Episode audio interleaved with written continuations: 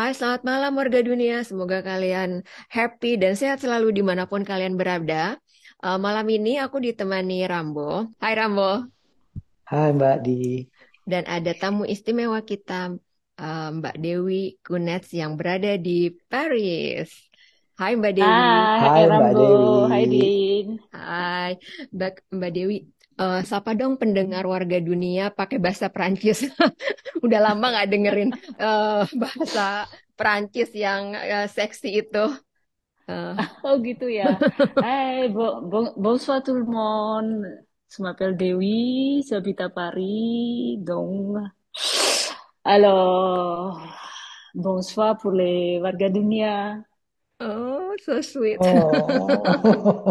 Jadi pengen ke Paris kita ya. Oh, oh pasti Come kalau udah ke Paris Paris, dan come. iya kalau udah ke Paris, Mbak Diana harus cari Mbak Dewi karena beliau tahu tempat makan enak, easy way, pokoknya jalan-jalan cet cet cet gitu, pasti Mbak Dewi bantuin Iya, iya. gitu. Oh. Intinya tukang jalan ya. Intinya tukang jalan. Oke, Mbak Dewi ce- eh, ceritain dong Mbak Dewi udah berapa lama sih di Paris? Terus eh, kegiatannya apa sih sekarang? Oke, eh, aku udah hampir 21 tahun di Paris. Oh, That's so lama udah basi banget. ya, udah basi ya. Uh-uh. Kegiatanku ya aku masih aku I have my own gallery Mm-mm, mm-mm. Gitu kan. Aku dulu tadinya punya dua galeri, satu di sini, satu di New York, tapi yang di New York nggak berjalan lancar. Jadinya ditutup pas pas pas eh, sebelum eh, apa pandemi. Pandemi. Tuh, jadi aku tetap, tetap, stuck di galeriku yang di Paris dan udah hampir 13 tahun berjalan di Paris. Oke. Kegiatanku ya galeri kan buka dari Senin sampai Sabtu dari jam 2 sampai jam 7. Lumayan full time. Aku juga punya kepegawaian, aku juga punya suamiku. Pastinya suamiku that's uh, helped me a lot Mm-mm. bantu banget. Eh, jadi kalau dia kantornya nggak jauh dari sini juga, jadi kalau aku, jadi aku punya waktu gitu loh, Asem. Aku bisa makan keluar sama temenku, aku bisa bisa ngapa-ngapain sebelum aku kerja atau whatever it is. Tapi kalau udah mulai ada exhibition, aku ada fair, ada kayak gitu, ya aku harus full time sih. Gitu. Wow. Dari dulu memang Hmm. suka art apa gimana? No, Siapa? no, no, no, exactly. Nggak, Oke. nggak, nggak banget. Jadi gini ceritanya. Oke. ceritanya eh, suamiku sebenarnya yang suka art banget. Suamiku suka art banget. Terus kayaknya dia tuh lebih nggak suka kalau aku kerja sama orang lain. Jadi aku disuruh sekolah lagi, sekolah lagi, sekolah lagi gitu ya. Sampai bosen. Terus one day dia bilang nanti kalau kalau aku punya duit, aku aku bikin ya, aku bikin galeri sama kamu. Jadi kamu biar kerja sendiri gitu. Jadi Oh. terus itu itu terwujudkan, terwujudkan terus ah, sampai aku punya galeri di Oh, oh, Paris gitu. oh. Suami Mbak Dewi Claude Kunets kan? Iya iya iya iya Ya iya kan? iya. Eh, aku tahu karena dari produser film ya. Eh, Betul berbagi betul. suami ya kan? Boleh dong disebutin. Belum boleh boleh boleh banyak Banyak iya. film yang dia Iya dia banyak ini yang kan. Aku sih. yang aku nonton Iya itu. Eh, yang yang Oh inget suami, banget ya dengan benar. eh, Bunia kan. Jadinya aku Iya langsung betul Wah. sama Nia Dinata. Mhm. Ah, Terus dan ini eh, dia lagi ada ada next project juga sama Nia Dinata. oh film lagi. Iya tahun Jadi depan. eh, jadi keluarga Mbak Dewi itu sebenarnya eh, ke film art gitu kan ya.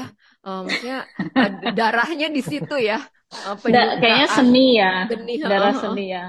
Oh, oh, Dan Padahal aku sih nggak sendiri, sama sekali, nggak. iya.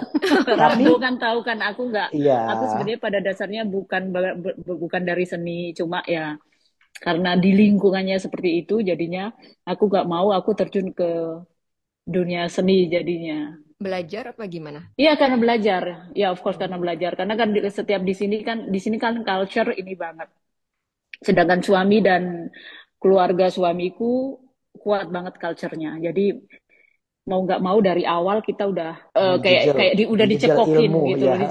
Iya, dicekokin ilmu. Jadi mau nggak mau, jadi sekarang malah jadi suka dan ya akhirnya jadi pekerjaanku lah ya gitu. Kalau Mbak Dewi nggak ikutan di film? Kan filmnya ada kan yang eh, Sofia Antipolis itu apa sih 2018? Eh, Ih, kok kamu lihat aja sih? Aku Kok kamu ngikutin. aja? Aku kan ngikutin dari mulai pe- eh, film produser tuh siapa, terus eh, ada kebetulan aku nonton kan tadi aku bilang aku nonton film Berbagi Suami, terus kok namanya kok eh, last name-nya kok sama ya gitu. Jadi kan Hmm. ketahuan deh. Gitu. Rambo ketawa deh. Iya, jadi gini, Gimana? apa namanya? eh, aku pernah, jadi di keluarga suamiku tuh mereka banyak kan yang sutradara. Ada dua dua sutradara, tiga bintang film ya, quite terkenal di Paris.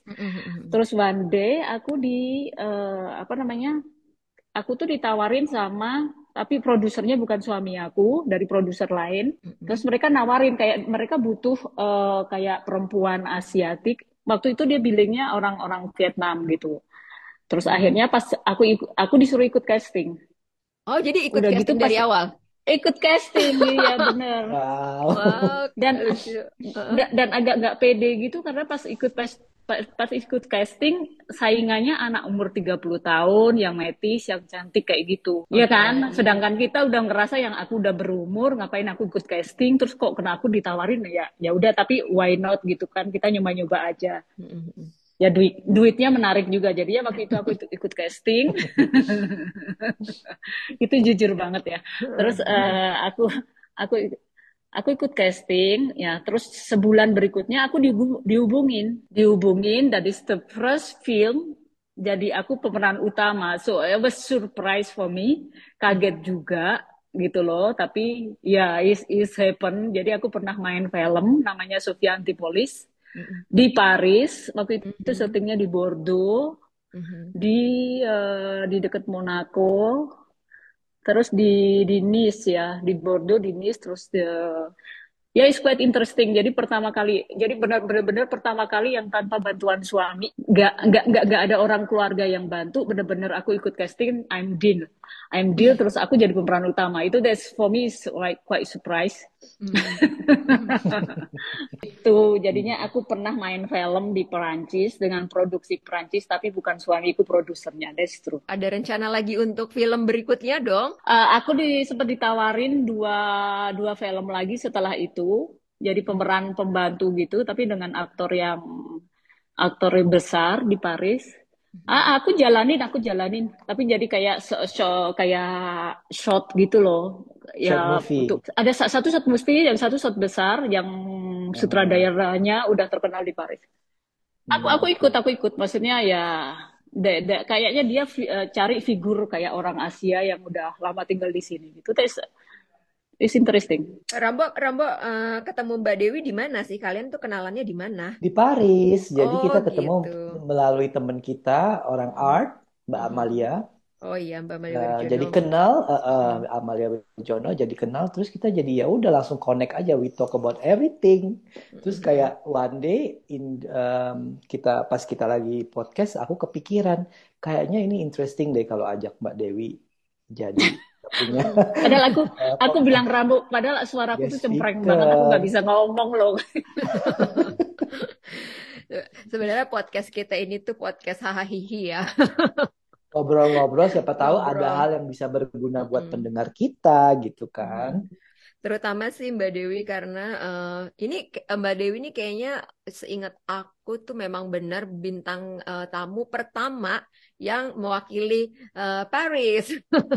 Oh, that Hmm. nice, Iya. interesting, Nice thank kan? you. Nah, jadi that's why kita pengen dengar kehidupan di Paris tuh seperti apa sih, apalagi dari sisi orang Indonesia ya. Kan eh, Mm-mm. Mbak Dewi kan udah apalagi udah bisa bertahan puluhan tahun gitu nggak kangen apa gimana? Kangen itu dari awal waktu awal-awal sih kayak ya kita selalu terbatas dengan bahasa waktu dulu karena aku waktu kawin kan aku ke sini nggak bisa bahasa Perancis. Mhm. Terus aku harus kuliah lagi, sekolah lagi yang sebagai macamnya seperti itu kan. Cuma sekarang kalau sekarang sih iya itu menurut aku di di awal 1 sampai lima tahun pertama ya. Kayak yang kita harus makan cabe, kita harus yang ini, yang ini segala macam ya. Tapi kalau udah balik sekarang udah aku udah lama gitu kalau buat aku aku udah kita harus adaptasi kan seperti ya di mana kita bertinggal ya kita harus kayaknya memang harus adaptasi gitu mau nggak mau gitu ya. Jadi udah biasa. Udah gitu kita kan sering pulang, setahun sekali kita pulang. Jadi kalau dari sisi aku sih nggak ada masalah. Maksud aku dan aku gampang orangnya adaptasi. Jadi menurut aku oke okay. ya oh, oke okay, pasti banyak banget perbedaan culture whatever it is pasti pasti banyak banget berbeda. Cuma bener-bener uh, ya kamu harus suka dulu kenapa kamu tinggal di Eropa gitu kan. Ya. Pada intinya kan itu kan. Iya, apalagi negara yang itu ya kalau menurut aku yang bahasanya emang bukan bahasa Inggris tuh kayaknya challenge-nya lebih nambah ya ya nggak sih? Benar. Lebih, banget, banget, banget, banget. Apalagi hmm. uh, Perancis salah satu bahasa yang uh, susah ejaannya, tulisannya ya kan. Jadi pesan untuk anak eh, anak-anak muda Indonesia yang mau uh, belajar di Paris apa kira-kira? Pesannya dia harus suka pertama kali ya. Mereka kalau mau belajar ke sini harus suka, harus suka harus suka bahasa dan harus suka kalau mereka tinggal maksudnya kayak di mana di mana di mana aja kita ngerantau kali di mana pun aja ya maksudnya kita harus benar-benar harus uh, adaptasi harus bisa bisa ngimbangin, bisa prihatin kalau memang itu anak sekolah kalau menurut aku. Oh gitu. kalau nggak bisa, kalau nggak bisa kan agak susah karena jauh dari jauh dari culture kita, jauh dari keluarga kita, jauh dari semuanya lah isinya gitu kan. Tapi kan kalau buat anak sekolah beda lagi dengan seperti aku yang datang ke sini karena juga karena harus ikut suami gitu kan. Itu beda banget. Karena cinta ya. Love bring us.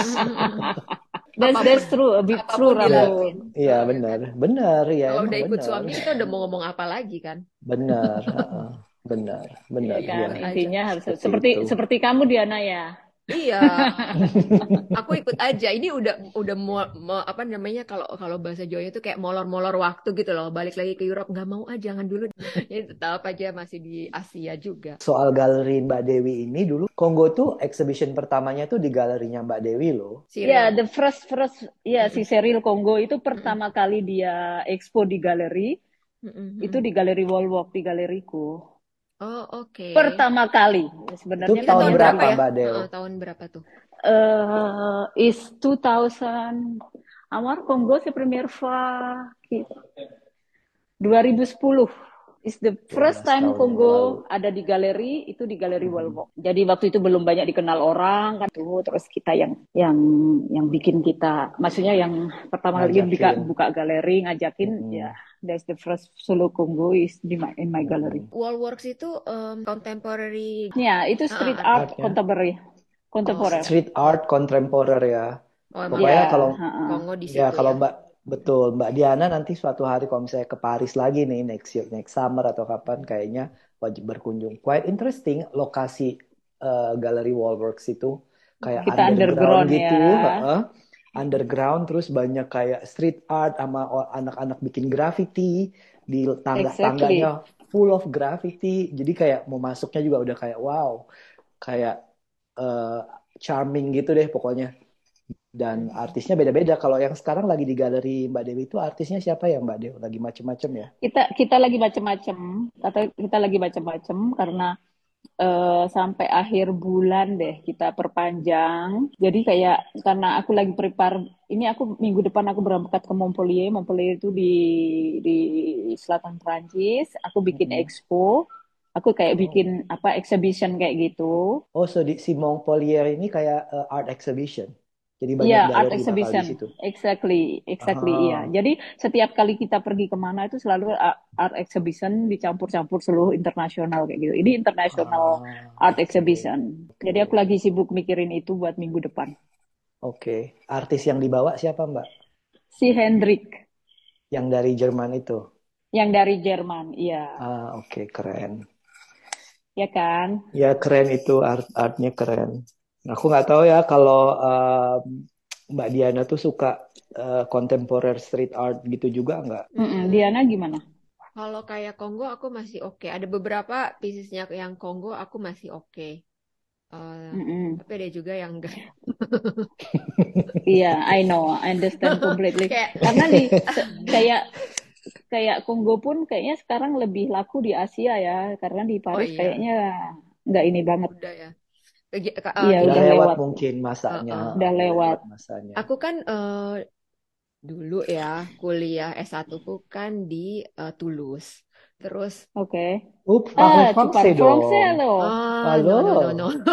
Oh, Nggak, aku nggak mau. Eh, Pasti udah Poco banyak pronunciation yang salah. Terus udah gitu, Ah, c'est pas grave. terus udah gitu, eh, sering lihat ya namanya juga eh, graffiti kan di mana-mana ya. Jadi, hmm, tapi itu kan street art gitu. Nah, pas Kongo masuk ke galeri di Asia tuh kayak dikemasnya kan sang- jadi sangat high end gitu ya. Semuanya bentuknya agak rame, sama ya, gitu. Terus sama kayak Iya, oh, makanya oh, betul. I eh, know. ha. fontsnya sama, warnanya juga agak sama. Cuma eh, ininya itu kan letteringnya gitu ya sama. Mm-mm. Tapi wordingnya walaupun ya pasti beda gitu. Cuma ada beberapa yang piecesnya aku kayak udah udah terlalu tired untuk ngeliat font-font ini. Ya, Iya, und- iya, understand ya, benar, understand dan kan kan nggak semua orang juga suka kalau graffiti itu. Kita benar. kadang sometimes they, they don't understand at all gitu. Kongo mungkin aku mikirnya karena dia oke dia kolaborasi sama Hermes. Whatever is, terus nanti di di Asia karena orang Asia tuh kalau sama branded thing yang Iya, seperti iya, itu iya. dia terlalu ini banget, jadi mungkin lebih tertarik. Oh iya, aku pakai Kongo karena ini karena ini. Kita ngerti banget. Cuma di sini, Udah well, nggak, udah lewat kali iya, dia. udah lewat dan bukan itu aja gitu loh, gitu loh. Mm-mm, Iya, iya, iya. Bukan bukan bukan bukan berarti meremehkan atau seperti apa. Cuma kita kita kita tahu, aku tahu pasaran gimana orang Asia dan gimana pasaran orang Eropa. Oh iya. Ya of Mm, course. Oke, Orang orang course. kalau orang Asia tuh memang pasti eh, lebih ke yang eh, brandnya dulu. Maksudnya kayak kemarin eh, Exactly. kemarin Betul. pas Kongo ke ke Singapura itu pasti yang ditanya, hah Hermes gitu dia langsung gitu.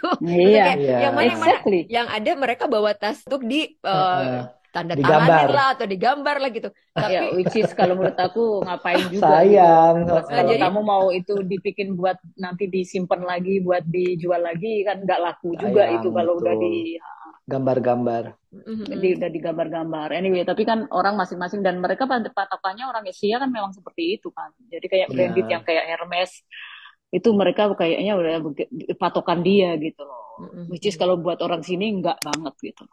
Oh, jadi sebenarnya kalau kalau di Paris eh, Parisiannya sendiri itu tuh eh, mereka melihat brand-brand ini kayak gimana sih? Kayak do they really eh, respect the value? Apa kayak cuma eh, stylenya aja kayak satu orang pakai akhirnya semua ibu-ibu pada pakai gitu? Enggak ya? No, no at all. No at all. Oh, Itu kayaknya di Asia aja ya. Kayaknya di Asia aja deh. Ah, ya, kalau menurut aku sih benar kata Mbak Dewi itu kegede kita di Asia kalau untuk uh, fashion brand luxury. Mungkin di Eropa atau di Paris, especially brand-brand luxury itu tetap gede sih, tetap sesuatu. Mostly mungkin orang juga pakai, cuma bukan sesuatu yang jadi luar biasa gitu pada saat kita pakai. Ya kan Mbak Dewi? Iya, iya, Kurang exactly lebih seperti begitu itu. gitu. Kurang lebih Jadi seperti itu. kayak misalnya, The- the- kayak misalnya exactly they don't walaupun care gitu.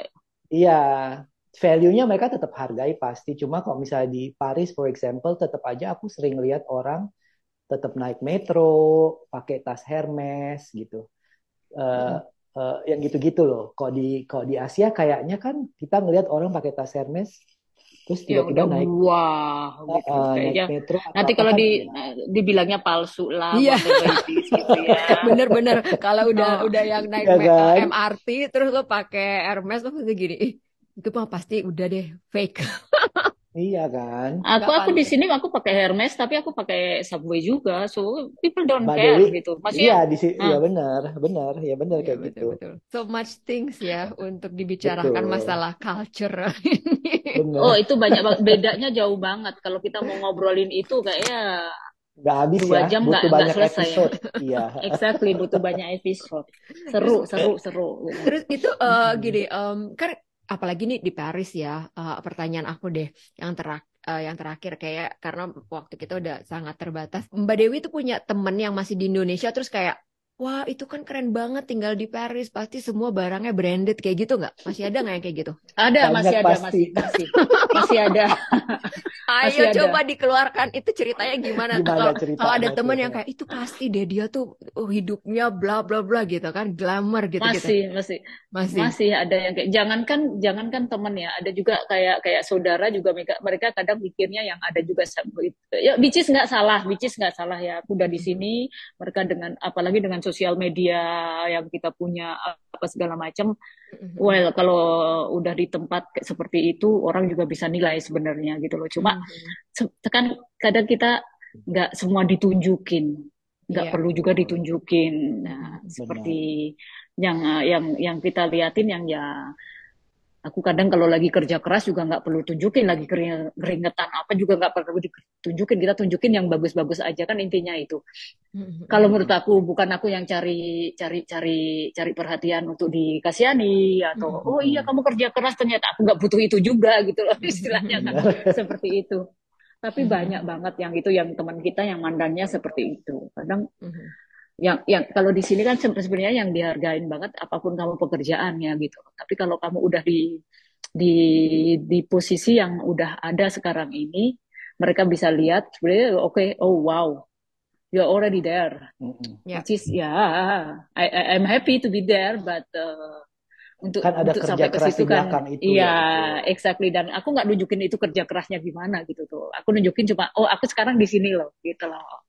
That's the I'm going to, I, I- I'm the pointing, Hmm, maksudnya iya. gitu kan. sama kayak Rambo juga dong ya kan bener kan Rambo Iya, betul, betul. benar. walaupun Tapi di kita sa- di mana pun berada, tapi Berada, ya kayak aku uh, sama Mbak Dewi itu tetap kayak aku kayak amazed banget. Jadi kayak Mbak Dewi itu tetap walaupun dengan tas Hermes-nya gitu misalnya ya atau tas Celine-nya gitu ya pakuk-pakuk gitu ya tetap jalan kaki ke mana-mana coba kalau orang Indonesia yang Indonesia makanya aku bilang ini Mbak Dewi benar-benar dari Parisian gitu Iya. I'm become Parisian ya. Iya, makanya. Jadi kayak selalu nga- ngajarin sesuatu tuh bukan naik Uber, tetap harus naik metro atau Iya jalan kalau kaki. iya makanya kalau bisa masih dijangkau dengan metro atau jalan kaki, kenapa kamu harus naik itu? Ya itu Betul. juga buat gue take time ya. Kalau aku udah nggak 20 tahun di sini juga mungkin aku nggak kayak gitu juga gitu loh. Karena Benar, aku udah aku aku kayak di, dididik sama mereka orang Parisian, jadi mau nggak mau aku nurutin seperti mereka. Betul. Which is nggak ada salahnya, nggak Nggak ada ada salahnya. salahnya. Tapi And that's iya. for me tuh a good point sih, good things banget sih. Jadi kayak I know a lot of place through metro dari Mbak Dewi keluar di mana, naik di mana. Itu tuh banyak banget yang uh, listen learn gitu loh. Jadi kayak life is not that bad kok kalau dengan metro dan jalan kaki. No, no, no, no, no, no, no. But, tapi aku ngerti juga buat orang Indonesia yang pertama kali datang ke sini gitu, buat mereka Iya, kayak ah gengsi ah gue naik ini, gue naik ini. No, Betul. nggak perlu gengsi, kamu belum tahu. Atau mereka nggak tahu betul, atau mereka nggak tahu jalan, Mm-mm, ya nyasar. Exactly, ya benar Nyasar, nyasar, benar. Sama kayak di takut Singapura juga nyasar. kan kalau ada kadang naik MRT walaupun kelihatannya gampang, tetap aja kadang bisa ke sana kemari kan, Mbak Di? Betul, betul, setuju, Iya, setuju. Iya. betul. Jadi kayaknya kita ngobrol nggak bakalan nggak bakalan masih Selesai kurang ya? waktu ya, kayaknya kurang masuk Ka- waktu eh, ya. eh, Next eh, time eh, harus eh. ngobrolnya lebih lama lagi nih ya. Betul, Iya, harus next ada time Ion juga. lebih fokus ke ini ke eh, perbedaan. Kerjaan Aku atau aku kerja. Oke, oke, oke. aku tertarik dengan perbedaan culture karena Oh, Oh, that's eh, good. sebagai orang Indonesia tuh eh, kita kan culture-nya rich banget ya, kaya mm-mm. eh, beragam gitu. Nah, eh, kadang eh, ditempatkan di luar negeri itu tuh aku tuh pengen dengar cerita-cerita seru yang ada yang adjusted, ada yang dipakai, ada yang Oh, enggak banyak gitu kan. banget. Kalau mau cerita banyak banget ya, Rambo. Iya betul, aku sama Mbak Dewi itu ngobrolin hal kayak gini pernah loh, Mbak Di. Beneran Mm-mm-mm. kita ngomongin soal culture, soal how people like looking at Iya. us, Discrimination, ya. discrimination, yang gitu-gitu kita bahas pernah seharian ngobrol, nggak bakal cukup 40 menit. Nggak bakal cukup. Thank you ya Mbak Dewi untuk waktunya malam ini dan Rambo juga Eh, ceritanya seru. Mbak Nanti kita Dewi. lanjutin lagi suatu hari nanti. Tinggal tinggal arrange aja ya dengan Ya, kesibukan Yes, sure. Dewi. With ya, pleasure, Oke, with pleasure. ya. Thank you. Thank Thank you you, Thank you. everyone. Bye. Rambo. Thank you. Bye. Good Bye. night.